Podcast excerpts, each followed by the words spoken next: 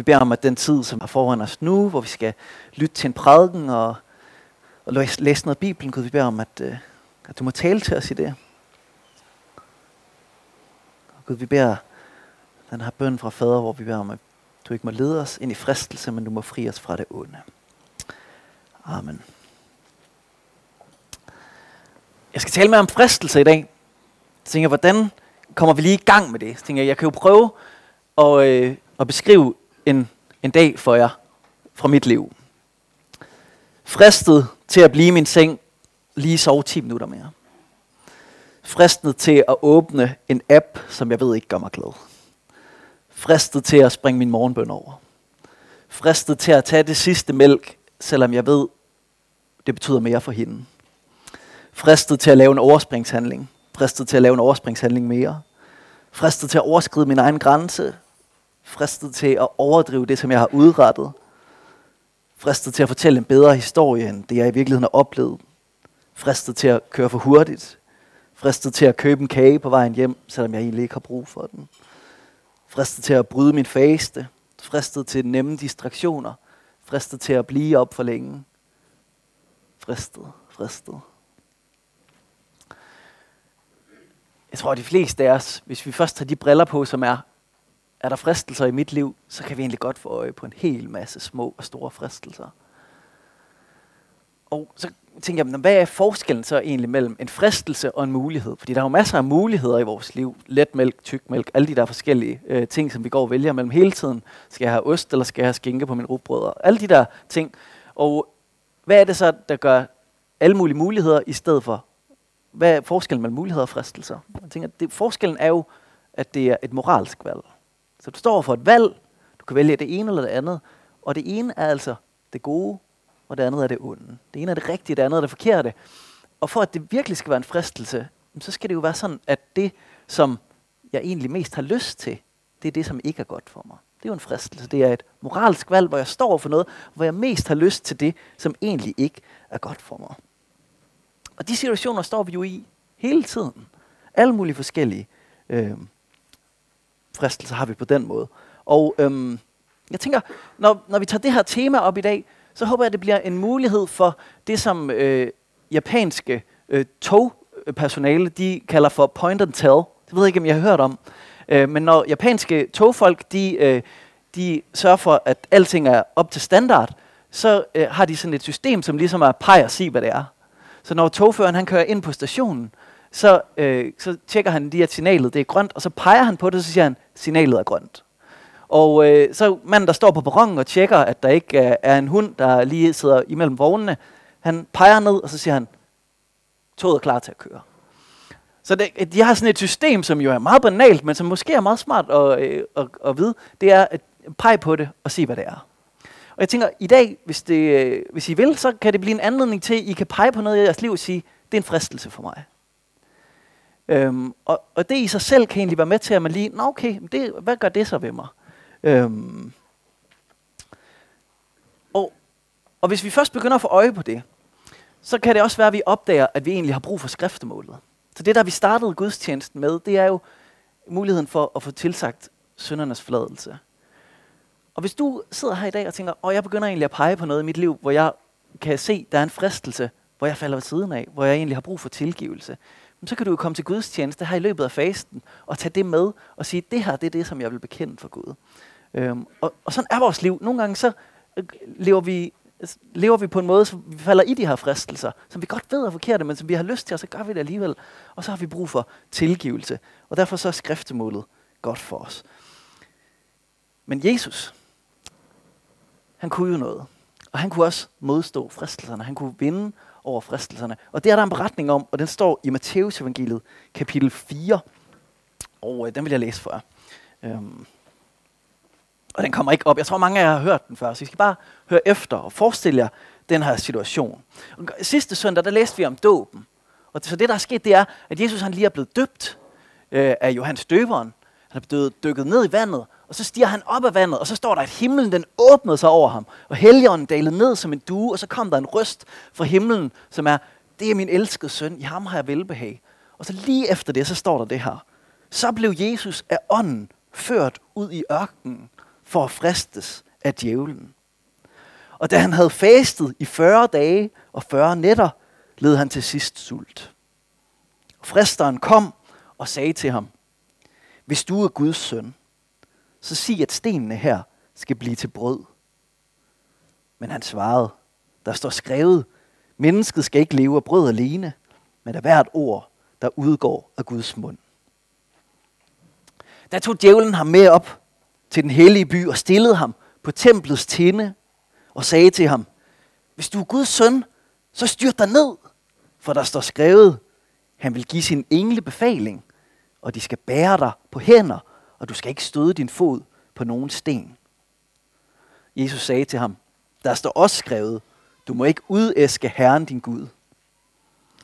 Igen tog djævlen ham med, denne gang til et meget højt bjerg, og viste ham alle verdens riger og deres herlighed. Og sagde til ham, alt dette vil jeg give dig, hvis du vil kaste dig ned og tilbe mig. Da svarede Jesus ham, vi bort, satan, for der står skrevet, du skal tilbe Herren din Gud og tjene ham alene.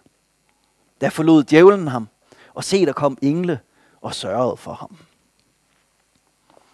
Så Jesus han er blevet døbt, og så bliver han af ånden ledt ud i ørkenen, og så bliver han fristet af djævlen. Tre gange bliver han fristet, og tre gange modstår han fristelsen.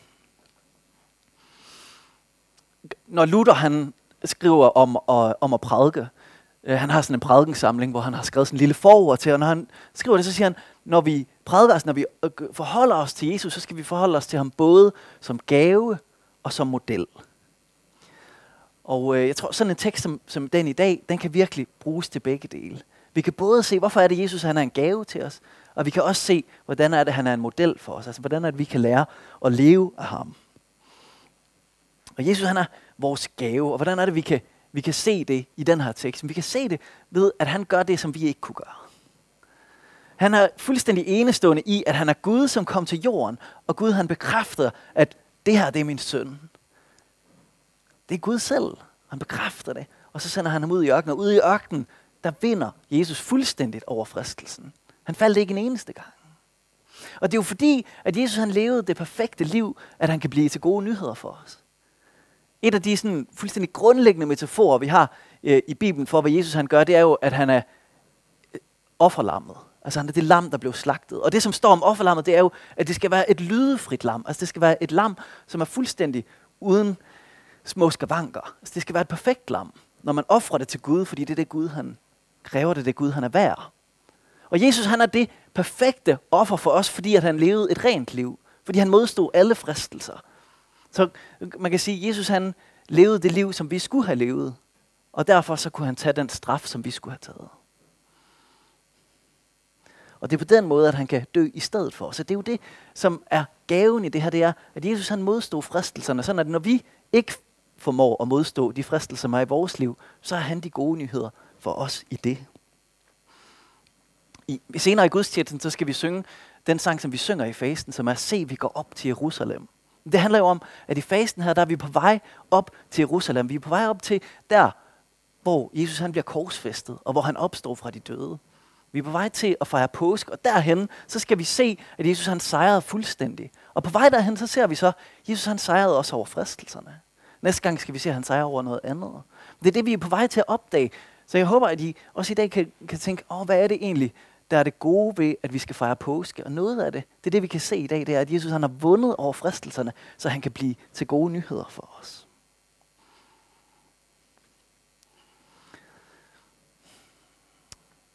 Og måske kan I høre implicit, hvad det er, der også er i det her. Det er, vi formår jo ikke altid at modstå fristelserne. Og Jesus han har de gode nyheder til os. Han har gaven til os, mens vi endnu var syndere. Det er sådan, Paulus han siger om os. Han siger, mens vi endnu var syndere, der døde Jesus for os. Så mens vi endnu ikke har styr på vores liv, så er det Jesus, han bliver en gave for os. Når vi taler om fristelser, så er der nogen af os, der godt kan få det billede, at mit liv det er sådan et liv på en line, hvor jeg er en linedanser. Og hele tiden så bliver jeg fristet til at træde ved siden af, og så falder jeg ned i afgrunden. Og det er et dårligt billede af ens liv. Det er faktisk ikke det billede, som, som Jesus han forsøger at give os her. Det han forsøger at give os, det er, du har fast grund under fødderne. når du bliver fristet, så den her fristelse, den modstod jeg ikke. Den her fristelse, den modstod jeg. Den her fristelse, den modstod jeg ikke. Den her fristelse, den modstod jeg. Og hele tiden, så er jeg inde i det samme rum. Og det rum, det kan man kalde for nådens rum, eller Guds godhedsrum. Fordi at Jesus han allerede har vundet over fristelserne, så kan jeg være i Guds godhed, uanset om jeg modstår fristelsen, eller om jeg ikke går. Uanset om jeg bliver på stregen, eller om jeg ikke gør, så er jeg inde i det rum, som er Guds nådes, Guds godheds, Guds kærlighedsrum. Ja, det er vigtigt, når vi skal begynde at forholde os til, hvad er det egentlig, der er fristelser i mit liv, at vi ikke så tænker, og hvis jeg så træder ved siden af, så er alt tabt. Nej, alt er ikke tabt, fordi Gud, han har jo sørget for os. Jesus, han har bundet det hele til os. Og så kan alt ikke være tabt. Så Jesus, han er gaven, og det, kan vi, det er vigtigt i, i den her tekst. Og så det andet, vi kan se på, det er jo, at Jesus han også er vores model. Jesus han bliver mødt med tre forskellige fristelser her. Og i kirkehistorien, så er der flere, der har peget på, at de tre fristelser, som Jesus han bliver mødt med her, det er egentlig de tre grundlæggende menneskelige fristelser, som vi kan blive mødt af. Og den første, han bliver mødt af, det er appetit. Jesus han fristes til bare at lade appetitten løbe af med ham. Det vil han siger, kan du ikke, de der sten derovre, dem kan du jo bare lave til brød. Du kan jo bare, du er jo sulten. Vil du ikke gerne have noget at spise? Og det tror jeg mange af os kender, at der er alle mulige appetitter, som kan løbe af med os. Vi kigger lidt for længe på den busreklame, som vi måske ikke skulle kigge så meget på af et halvafklædt menneske. Eller vi spiser lidt mere, end egentlig er godt for os. Eller vi hviler os lidt mere, end vi burde. Eller vi holder os lidt for meget i gang, så vi egentlig ikke kan mærke, hvad der er på spil inde i os. Der er alle mulige appetitter, som, øh, som kan løbe af med os. I Bibelen der er der masser af historier om der En af dem kunne være øh, kong David. Ikke også? Han sidder op på, på sit tag, og så får han øje på naboens kone, der er ved at tage bad ned ved siden af. Og så tænker han, det var da en lammesteg, den skal jeg have fat i. Og så får han den jo stigt, ikke også? Og det, det bliver noget værre råd. Øhm, det, er jo, det er jo en historie om, at hans appetit, den løber af med ham. Og så bliver det en dominobrik, der får det hele til at vælte også. Så det, er jo, det er jo den, den første fristelse, Jesus han bliver mødt af, det er at lade bare appetitten styre. Det, det næste, det er anerkendelsen.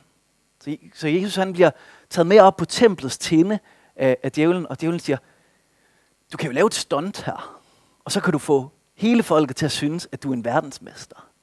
Og så er du fri for det der med at dø jo. Fordi hvis de bare synes, du er fantastisk, så kan du jo bare få det der rige, som du gerne vil have alligevel. Der er en genvej her til at få en hel masse anerkendelse til, at, øh, at Jesus han kan, kan være alle folks superstar. Han kan være den største YouTuber, ikke også, ved at lave den største scene lige der. Jesus han vil få rampeløset. Og det ved jeg ikke, om I kender. Jeg kender godt det, at øh, man kan søge noget anerkendelse. Man kan egentlig have brug for, at der er nogen, der siger, ej, du er flot, eller du er god, eller du er klog, eller du øh, gør det godt nok godt.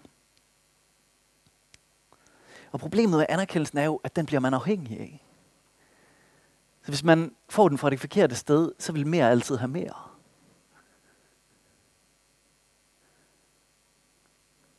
Det kan jo være, altså, hvor, hvor er det, vi ser det her? Det kunne være for eksempel i skolen. Jeg vil gerne have gode karakterer, fordi det får jeg anerkendelse af, men når jeg så får dem, så er det egentlig aldrig nok. Jeg skal altid det næste karakter, den skal jeg jo også have anerkendelse for.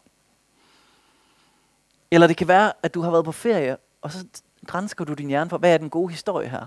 Hvordan er det, at jeg kan komme til at stå i et godt lys efter den her ferie? Eller du tager et billede, og så tager du et mere, og så tager du et mere, fordi du vil egentlig gerne have et billede, som er ret flatterende.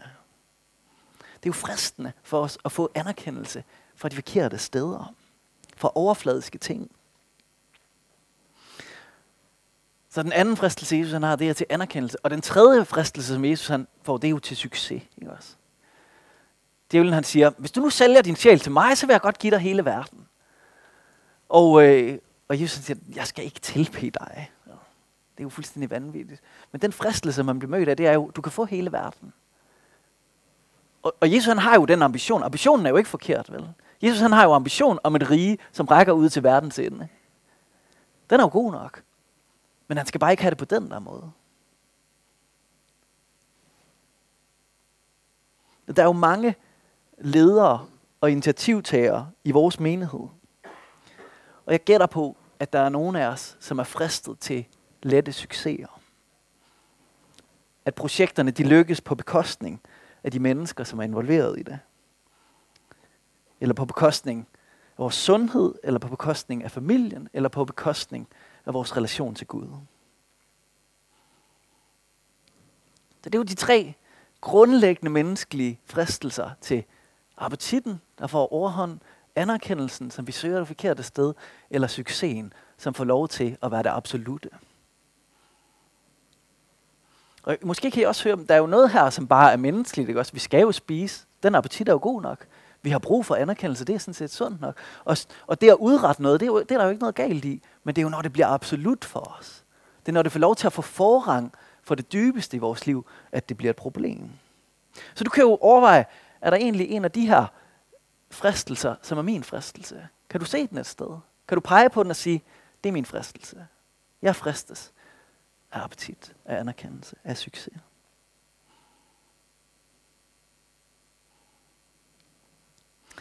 Og så er der jo et dybere lag i det her. Også. Og det dybere lag, det er, at det handler om identitet. For Jesus han bliver døbt af Johannes Døberen, og Gud han siger over ham, du er min elskede søn. Og hvordan er det djævlen? Hvordan er det djævlen, han, han frister? Men han starter lige med at sige, hvis du er Guds søn, så gør det der. Og det gør han også anden gang, han siger, hvis du er Guds søn, så gør det her. Så det er jo ikke bare sådan en tilfældig fristelse. Djævlen han er faktisk ude efter hans identitet. Det dybeste, man kan sige om ham, det er han egentlig, kan vi ikke aflede det? Du kan lige få 5% forkert af det, så kan du godt gøre det her. Og djævlen han angriber altid vores identitet. Djævlen han bliver øh, beskrevet i den her beretning som fristeren. På andre steder så bliver han jo beskrevet som slangen, der frister, eller som, øhm, som den, der, øh, der lyver. Han bliver jo kaldt løgnens far. Så han er egentlig ude på at fortælle en løgn om, hvem vi er. Fordi hvis vi får fortalt en løgn om, hvem vi er, så lige pludselig så virker fristelsen som en rigtig god idé.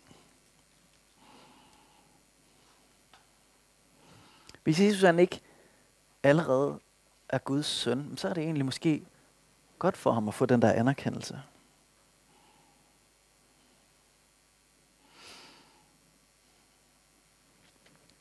Og hvorfor er det vigtigt for os at få fat i det her? Når vi forholder os til vores egen fristelser. At det handler om vores identitet.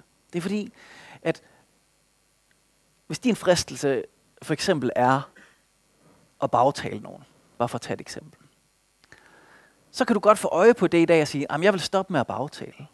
Og så kan, den, så kan du egentlig stoppe med det, men så kan det være, at du bare begynder at synde mere sofistikeret. Og det har jo ikke løst noget som helst. Så øh, kender I Bubble Bobble? Sådan et computerspil. Øhm, Bubble Bobble det er sådan et computerspil, hvor man er sådan en lille bitte figur øh, inde på sådan en lille skærm, hvor man så skal spise nogle monstre ved at, at lave nogle bobler omkring dem. Og det som, øh, det som er smart, eller det som er sjovt ved Bubble Bobble, det er, det starter meget enkelt, og så bliver det mere og mere kompliceret, mere og mere sofistikeret, og så bliver det sværere og sværere på den måde. Og det som vi kan gøre øh, med vores synd, det er, at vi kan komme til at spille Bubble Bobble med dem. Så i stedet for at få det stoppet, så begynder vi egentlig bare at gøre det mere sofistikeret og, øh, og mere komplekst for os selv. Men vi får ikke fjernet det, som egentlig er, er det grundlæggende i det.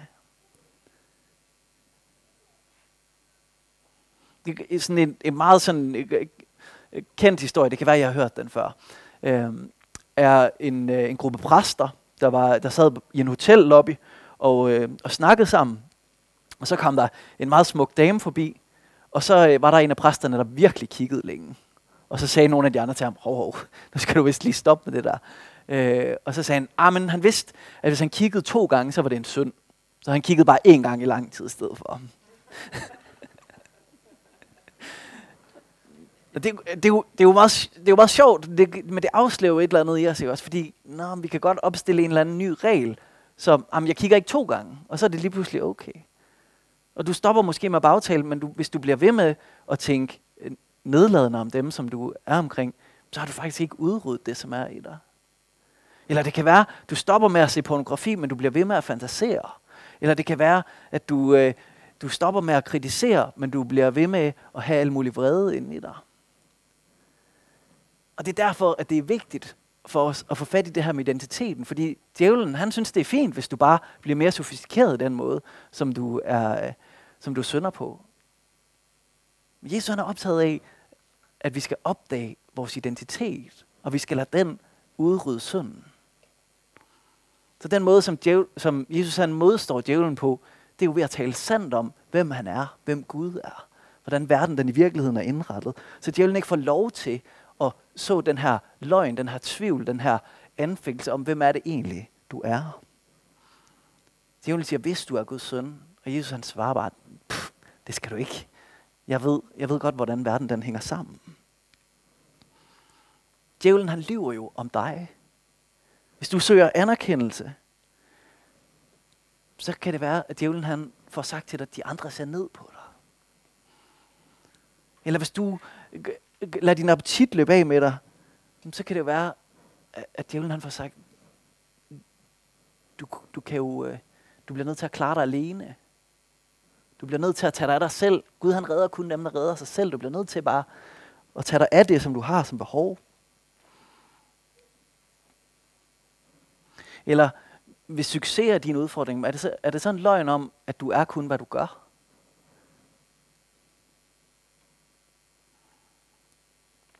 Jesus han svarer med sandheden. Og djævlen han siger, du bliver nødt til at tage dig af dig selv, så siger Jesus, Gud tager sig af mig. Når djævlen han siger, du kan bruge Gud til at få anerkendelse, så siger Jesus, Gud er større end det. Når djævlen han siger, hvis du sælger din sjæl til mig, vil jeg føje mig og lade dig få det hele, så siger Jesus, jeg tilhører Gud alene. Så Jesus han svarer med sandhed, når djævlen han kommer med sin løgn. Og det er jo det, vi også kan gøre, når vi oplever, at vi står i en fristelse. Så er det, vi skal begynde at, at holde øje med, hvad er det egentlig for en løgn, der ligger nedenunder det her? Hvad er det, der er bagved det? Som jeg egentlig har brug for at tale sandhed til. Og, og den måde, som Jesus han taler sandhed på, det er jo ved at citere fra Bibelen. Det er meget interessant. Det er jo både, djævlen han citerer jo også fra Bibelen. Han misbruger det bare. Men når Jesus han svarer, så svarer han egentlig med bibelcitater. Og det, som er interessant for os, ved det, det er jo, han har jo været 40 dage ude i ørkenen. Det er jo ikke sådan, at han sidder og læser op af en bog, vel? Det er jo fordi, at han kan de her ting udenad. Han har faktisk lært dem i hjertet. Og øhm, så nu siger jeg noget, som er håbløst umoderne, men som jeg tror faktisk øh, kan være en hjælp for os. Hvad vil der ske, hvis du begyndte at lære nogle bibelvers udenad? Altså nogle af dem, som handler om noget af det, som du har brug for at sige, som er sandt om dig. Da jeg, da jeg, øh, da jeg sad og arbejdede med den her tekst, så skrev jeg til Claus Laversen, som har sådan et firma, der hedder Bibelen Live, hvor han, øh, han har været ude 500 gange og reciterer øh, tekster fra Bibelen. Jeg tror, han kan en 5-7 af Bibelens bøger udenad. Og så er det ligesom, hans foredrag, det er, at han så holder øh, sådan et to timers, hvis det er Markus evangeliet, så reciterer han i to timer, så reciterer han hele Markus evangeliet. Og så skrev jeg til ham, hvad er det gode ved at lære udenad? For jeg tænkte, det må han jo vide noget om. Og så en af de ting, han skrev tilbage, det var, når at folk de tager i krig, og de står ude på fronten, så i modsætning til, hvad man tit ser i film, så får folk aldrig virkelig heldemodige ting, eller virkelig geniale idéer, når de står derude i kamp. Det, som de øh, bruger, det er det, som de har lært fuldstændig udenad. De mønstre, som de har trænet igen og igen og igen, det er det, som de falder tilbage på. Det har man lavet undersøgelser om, øh, at det er sådan tingene er. Og han sagde, sådan er det også for mig, når jeg øh, bliver presset i mit liv, så er det sjældent, at Gud han taler til mig om Jeremias' bog. Og jeg tænkte, det kender jeg godt. men det, som jeg måske ikke kender så godt, det var, at han siger, men det er tit, at Gud han minder mig om en eller anden af de tekster, som jeg kan udenad. Noget af det fra Markus evangeliet, noget af de, et af de andre steder. Øhm, jeg tænker, det er jo alligevel meget interessant. Gud han bruger det der, som, som Claus han kan udenad til at tale til ham. Fordi han minder ham om nogle af de sandheder, som er der.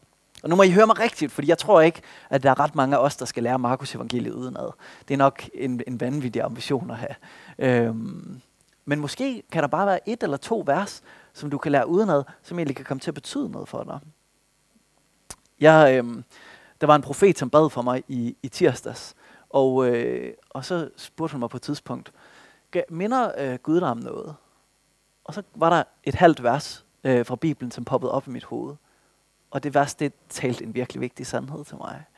Øhm, så så det, det betyder jo noget, hvis Guds sandhed den er inde i os på en måde, så vi faktisk kan komme i kontakt med den, når vi har brug for det.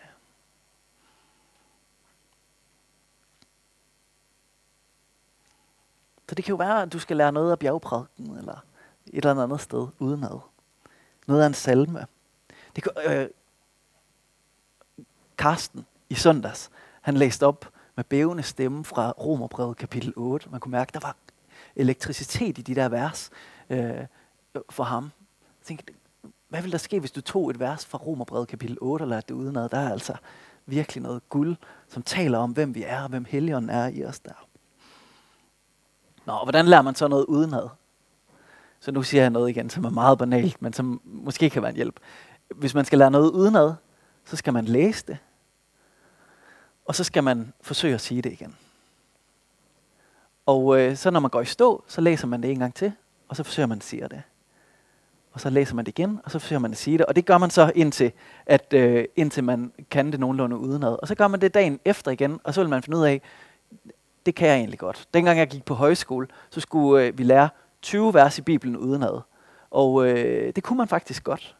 Øh, hvis man gør det på den måde. Man læser det, og så kigger man væk, og så forsøger man at sige det. Og så læser man det igen. Så kigger man væk, så forsøger man at sige det. Det er meget enkelt, men det er måden ligesom øh, at lære noget udenad på. Og så vil du faktisk opdage, at det er faktisk nemmere, end du regner med. Øh,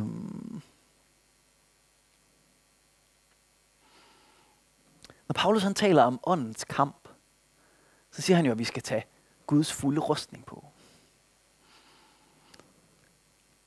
Og hvad er det så, han siger der? Han siger, at vi skal tage sandheden på som bælte. Så det, Jesus han gør her, det er jo, at han siger sandheden til djævelens løgn. Han tager sandheden på som bælte. Og det andet, Paulus han siger, det er jo, at vi skal kæmpe med åndens svær, som er Guds ord.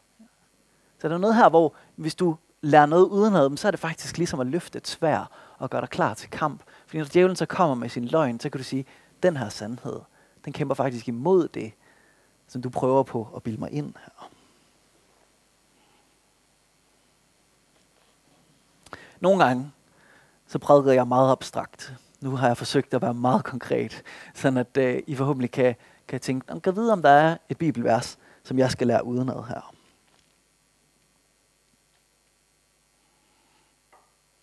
Det sidste, som vi skal her, det er, øhm, at vi skal prøve at komme i kontakt med, er der en eller anden fristelse øh, i mit liv, som jeg kunne pege på. I skal ikke sige den højt, bare roligt. Jeg skal, det, det bliver ikke pinligt for jer på den måde. Men øh, kan, kan jeg, øh, nu prøver jeg lige at få øjenkontakt med nogen af jer. Kan I komme, kan I, når vi sidder her, kan I komme i kontakt med noget, som I tænker, det er en fristelse for mig, det her? Ja. Der er nogen af jer, der nikker. Ja. Øhm, det, er jo, det er jo lidt skrøbeligt her også. Og, øh, og eje noget, hvor man siger, her er jeg egentlig, her har jeg egentlig lyst til at gøre noget, som jeg ved er dårligt for mig. Som jeg ved er forkert. Og det kan godt være svært for os egentlig at dele det med Gud. Og en af de bøger, som jeg har læst på det sidste, den hedder The Cloud of Unknowing og beklager. Jeg læser altså nogle virkelig øh, gamle bøger. Den er fra 1400-tallet. Det er sådan en gammel munk, der har, øh, der har skrevet en, øh, en, øh, en, en instruktion til hans øh, yngre munkeven om, hvordan man øh, laver kontemplativ bøn. Og øh, jeg skal nok lade være med at give jer det hele referat, men den ene indsigt, som han har der, det er, han siger, når, øhm, når du gerne vil dele noget med Gud, så i stedet for at forsøge at sætte ord på det, så kan du lave den øvelse, hvor du egentlig forestiller dig, at du gemmer det inde i dit dybeste. Så hvis du kommer i kontakt med den her fristelse, og så du forsøger at sige, hvor, hvis jeg nu skulle forestille mig, at det skal jeg gemme inde i det dybeste af mig selv, hvor, hvordan føles det så? Og det, som er pointen med det, det er, at Gud han er i vores dybeste indre. Og Gud han vil møde det, som du forsøger at gemme derinde med hans kærlighed og hans nærvær. Og for nogen af os, så kan det være en hjælp, at vi egentlig bare siger, det her det har jeg ikke lyst til, at nogen på nogen måde skal opdage eller vide noget om. Og så kan vi egentlig ved at lave den bevægelse, forbinde det med Gud. Og så kan det jo egentlig blive starten til en bøn, hvor vi deler det, som vi synes er svært med Gud. Så nu vil jeg lede os i, øh, i den bøn, hvis I, hvis I er med på det. Så Gud, nu øh, har vi øh, har vi snakket om fristelse her? Og vi, øh, og vi er kommet i kontakt med, med det, som er fristelse i vores liv. Og Gud, nu tager vi det og gemmer det inde i vores dybeste indre.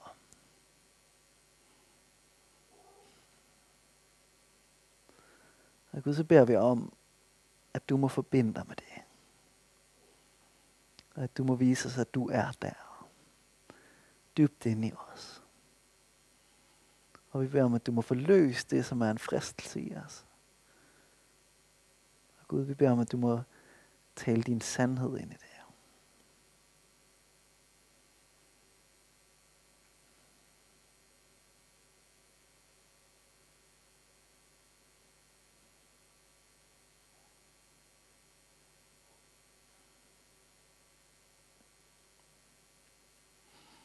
Og Helligånd, så beder vi om, at vi må få lov til at give slip på det igen.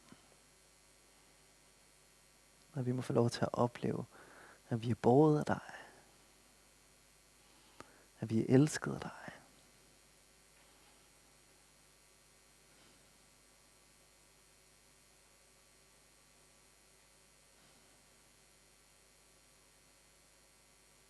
Gud, vi beder om i den her faste tid, vi må få lov til at, at være opmærksom på dit nærvær og blive fyldt med din fred.